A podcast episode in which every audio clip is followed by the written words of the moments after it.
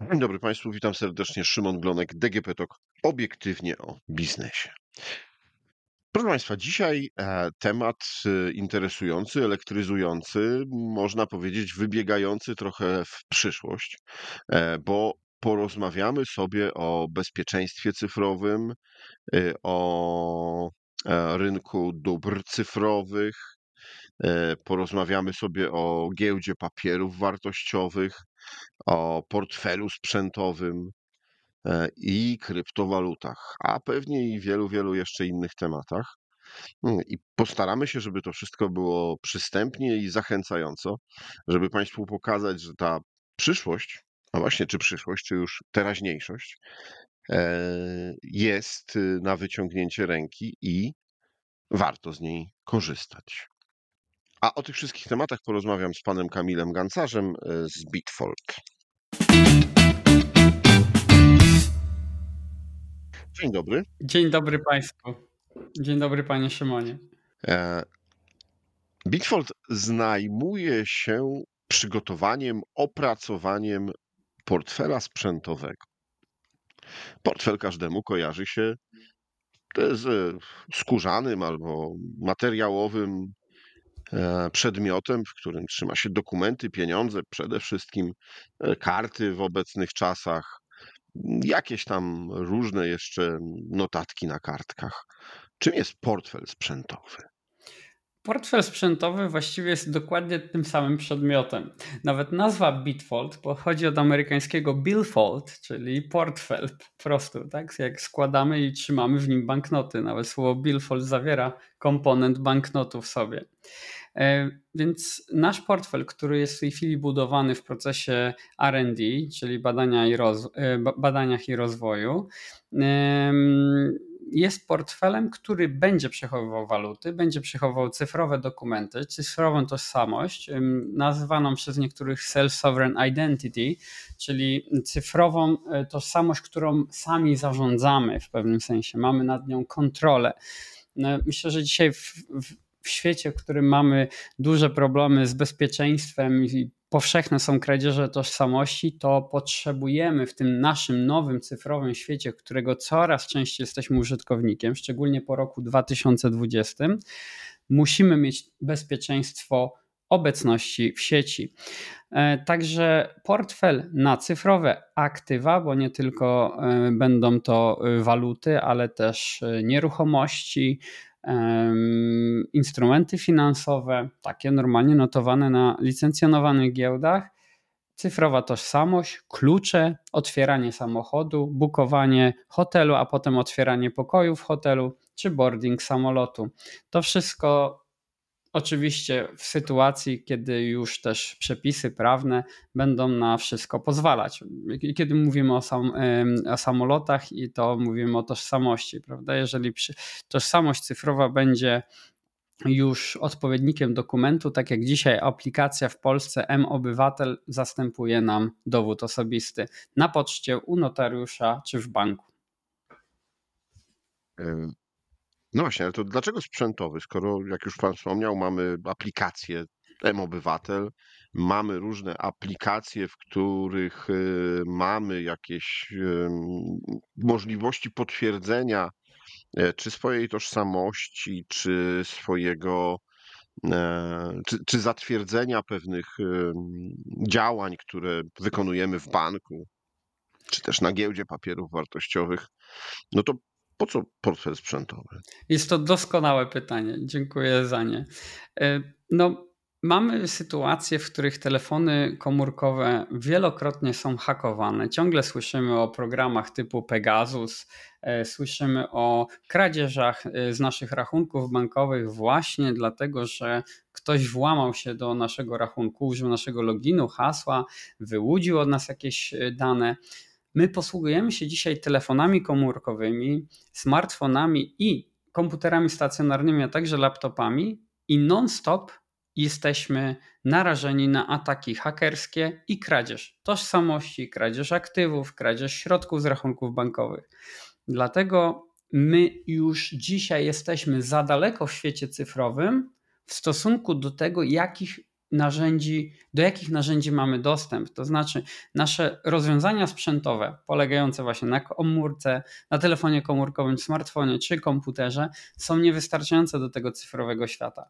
A problem pojawia się jeszcze większy, kiedy zaczynamy mówić o już walutach cyfrowych, które są w technologii blockchain, czyli zdecentralizowanego rejestru, rozproszonego rejestru danych, w którym to nie ma często tak zwanej zaufanej trzeciej strony. Nie ma banku, który odda nam pieniądze. Nie ma firmy ubezpieczeniowej, który ubezpieczy nam daną transakcję. Oczywiście w tych, w tych przestrzeniach będą powstawać rozwiązania związane z zabezpieczaniem czy ubezpieczeniami, ale na koniec dnia to my odpowiadamy za transakcje, które są użyte przy użyciu naszego klucza prywatnego, czyli rodzaju naszego podpisu. Dlatego też na nowy, zmieniający się świat potrzebujemy nowy interfejs, który pozwoli nam mieć dostęp do tego świata. Czyli to jest takie nasze okno na cyfrową rzeczywistość, gdzie przechowujemy majątek. No dobrze, portfel sprzętowy.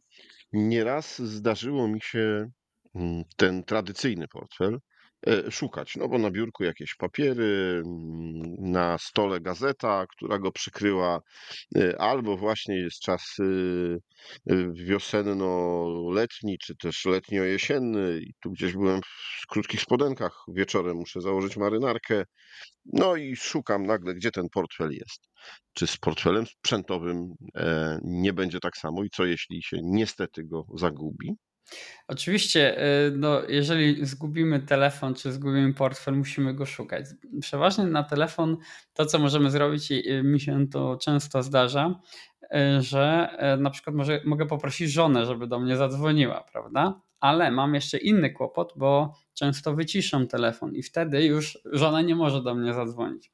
No i tutaj korzystam z rozwiązań takich chmurowych, które pozwalają wywołać mój, e, mój telefon i włączyć w nim dźwięk pomimo tego, że urządzenie jest wyciszone. No i tutaj dochodzimy do sytuacji, że podobne rozwiązanie może się pojawić w portfelu sprzętowym, czyli łatwiej będzie nam odnaleźć nasz portfel sprzętowy niż nasz tradycyjny skórzany portfel. Ale y, też jakby rozszerzając odpowiedź na pytanie, bo jeżeli mamy do dyspozycji sytuację, w której stracimy nasz portfel, no to tutaj oczywiście nie będziemy mogli z niego skorzystać. Y, Niesamowitym plusem naszego rozwiązania jest to, że w przypadku takiej całkowitego zagubienia bądź kradzieży urządzenia będzie można odtworzyć zawartość portfela w drugim takim samym urządzeniu. Czyli kupując nowe urządzenie, będziemy mogli odtworzyć zawartość wszystkich naszych środków. Jest to możliwe dzięki tak zwanej technologii SIDA, czyli takiego ziarna, z którego można wypączkować wszystkie nasze klucze, wszystkie nasze podpisy. I, i tutaj portfel sprzętowy góruje nad portfelem tradycyjnym w, no, tak naprawdę o epoki. Opowiem, y, że to rzeczywiście, mm, co pan mówi, jest kuszące, bo y, jak tak wyobrażam sobie, że zgubię portfel z gotówką, no to raczej tej gotówki nie odzyskam. No, karty mogę w banku wyrobić, dokumenty pewnie też. Mm, poświęcony czas, no już stracę, ale gotówka przepadła. Natomiast tutaj e, wszystko można odzyskać. No dobrze, a jak jest, czy jak będzie zabezpieczony e, ten portfel, e, żeby ktoś, kto go znajdzie, albo niestety ukradnie, nie mógł skorzystać z tych moich zgromadzonych tam dóbr? Mhm. Oczywiście portfel będzie zabezpieczony weryfikacją twarzy, czyli biometrią. Będzie zabezpieczony dodatkowo PIN-em i na przykład większe transakcje nie wystarczy biometria, będzie konieczny PIN. Dodatkowo do tego wszystkiego będą mm, rozszerzone hasła.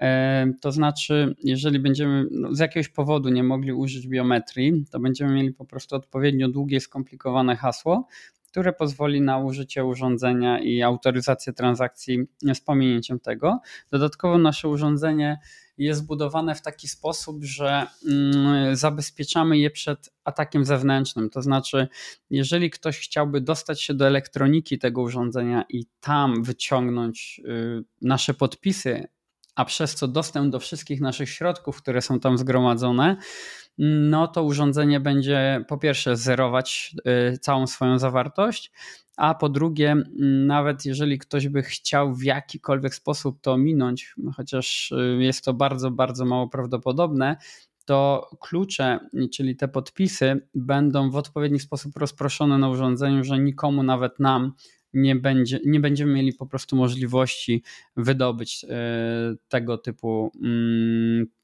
podpisów, kluczy. Albo to prawdopodobieństwo będzie e, tak nikłe i wymagało tak ogromnych nakładów finansowych albo czasowych, na przykład rzędu kilku, kilku lat. Mm, celujemy taką odporność 7 lat, ale tutaj się nie chcę deklarować jeszcze, że po prostu taki atak będzie po pierwsze totalnie nieopłacalny, po drugie będziemy mogli oczywiście w odpowiednim czasie y, zaradzić, y, wiedząc, że na przykład nasze urządzenie zostało skradzione mm, i przenieść y, wszystkie nasze cyfrowe dobra na nowy zestaw podpisów. No to proszę powiedzieć, kiedy ta przyszłość stanie się teraźniejszością, kiedy e, do powszechnego użytku albo w ogóle do użytku wejdzie taki portfel i wejdą takie rozwiązania, e, a może to już jest. Y, to może tak najpierw odpowiem nie o powszechnym użytku, bo tutaj jest to znacznie dłuższy czas. Musimy pamiętać, że każda technologia ma tak zwaną S-krzywą adopcji. To znaczy najpierw bardzo mm, w długim okresie, znaczy jakimś okresie X, różnie od technologii, bo na przykład OpenAI zdobyło 500 milionów użytkowników w ciągu E, trzech miesięcy, czyli są technologie, które przechodzą niesamowitą adopcję. Przez OpenAI tu rozumiem rozwiązanie ChatGPT, więc ciężko przewidzieć, ile trwa pierwszy okres adopcji do tak zwanych 10%, czyli to po angielsku nazywane early adopters i to 10%, ten okres e, zajmuje x czasu tak statystycznie, jak badamy rozwój technologii. Potem adopcja od poziomu 10 do 90% zajmuje drugie X, czyli tak naprawdę to, to ogromne przyspieszenie w adopcji następuje dopiero po przekroczeniu 10% populacji. Więc na pytanie, kiedy będzie powszechna adopcja, jest mi to bardzo ciężko odpowiedzieć y, na dzień dzisiejszy, ale na pytanie, kiedy będzie dostępne tak, takie urządzenie na rynku, to mówimy o początku 2026 roku. Nasze pierwsze urządzenia, które będą wcześniej w przedsprzedaży, będą dostarczane na rynek. A państwo y, działacie jako startup, pozyskaliście e, inwestorów prywatnych, a także NCBIR. E, na jakim etapie, bo R&D w Łodzi pracuje nad rozwojem e, technologii i, i też no, tego sprzętu. Tak jest. W tym momencie na jakim etapie jesteście? Tak naprawdę Mamy już e, funkcjonujący prototyp, już nawet zminiaturyzowany, bo prototyp to już istnieje od 2022 roku, mniej więcej taki, tylko jeszcze, jeszcze w takiej dużej formie zminiaturyzowany mamy obecnie teraz. Do końca roku powinniśmy większość etapów RD zamknąć, no i pozostałe e, lata, czyli 24, 25 to jest dokończenie systemu operacyjnego, czy właściwie user experience, i, czyli tego doświadczenia użytkownika i wyglądu interfejsu użytkownika, a także przygotowanie produkcji, które jest dość skomplikowanym procesem, czyli proces R&D to jedno, a potem przygotowanie i wyskalowanie produkcji to drugie. I to będzie właśnie zachodzić w 2025 roku, a także będziemy w tej chwili, mm, jesteśmy w trakcie procesu projektowania obudowy, właśnie, który powinien się w przyszłym roku zamknąć. Czyli chodzi o to, że finalny projekt obudowy, który jest nie tylko designem urządzenia, ale też mechanicznym projektem, też jest dość skomplikowanym procesem, no i właśnie powinien zostać zakończony e, w przyszłym roku. Zminiaturyzowany, czyli jaka jest wielkość? E, z czym możemy to porównać z takich powszechnie znanych urządzeń? Mm, jest to mniej więcej rozmiar e, iPhone'a 14 mm, Pro. Może lekko okay. grubsze urządzenie. Rozumiem, że no, jakiś tam smartfon to już daje, daje pewne wyobrażenie. Mhm. Co się musi wydarzyć, żeby taka ta technologia przyspieszyła ten rozwój i żeby stała się powszechniejsza. E, czy to, co na przykład e, zapowiedziała mm, giełda londyńska, czyli prace nad wejściem, nad, nad rynkiem dóbr cyfrowych, to jest taki duży kamień milowy w tym, żeby mm, technologia stała się powszechna? Ja myślę, że to jest przede wszystkim potwierdzenie tego, że ta technologia jest konieczna dla całości świata.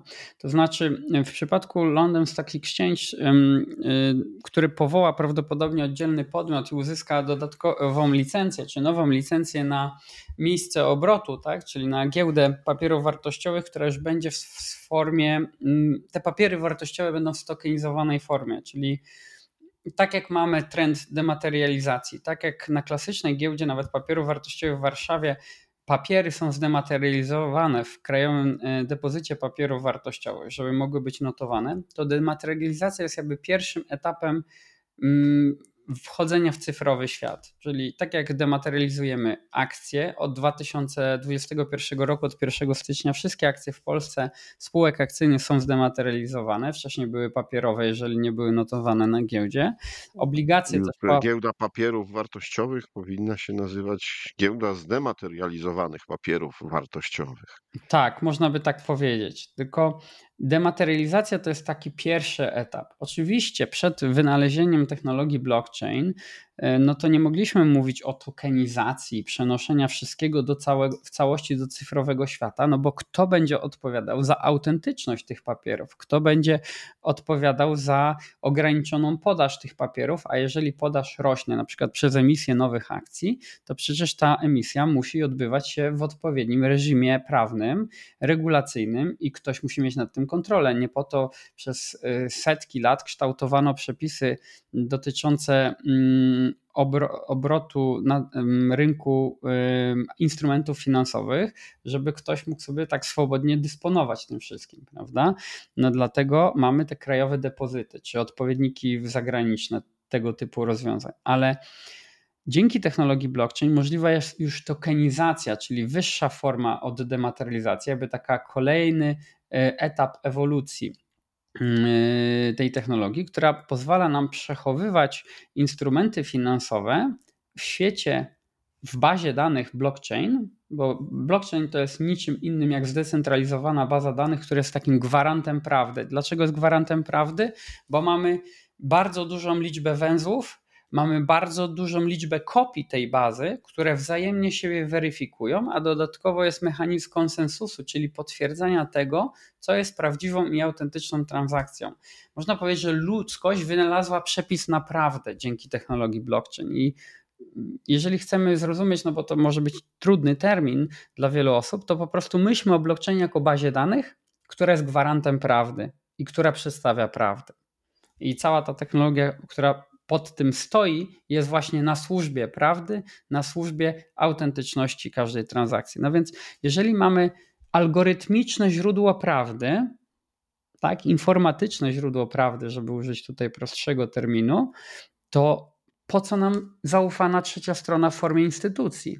Oczywiście instytucja jako regulator jest nam potrzebna i tutaj może mieć dodatkowe uprawnienia, żeby działać w takim protokole, ale po co mamy robić pewne rzeczy ręcznie, po co mamy narażać się na to, że jakiś pracownik jakiejś instytucji mm, będzie, mm, no, dokona jakiejś nieuczciwej operacji.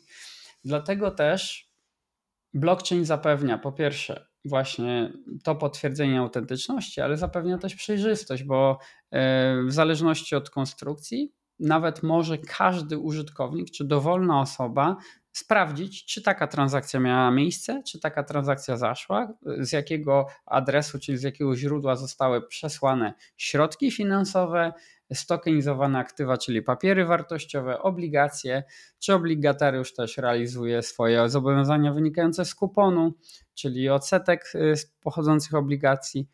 E, Gdybyśmy mieli taką sytuację, nie byłoby afery getbacku, tak na przykład roz, ym, rozpowszechnionej. Albo na przykład sytuacja z Amber Goldem, kiedy te rozliczenia byłyby też na blockchainie, też regulatorzy i organy ścigania wiedziałyby wcześniej o takiej sytuacji i nie zbudowałaby się tak duża piramida finansowa. Proszę Państwa, no można powiedzieć, że e, informatycy odkryli kamień filozoficzny. E, Czekamy, czy to źródło prawdy e, wejdzie, jak szybko wejdzie do powszechnego użytku, bo już jest użytkowane.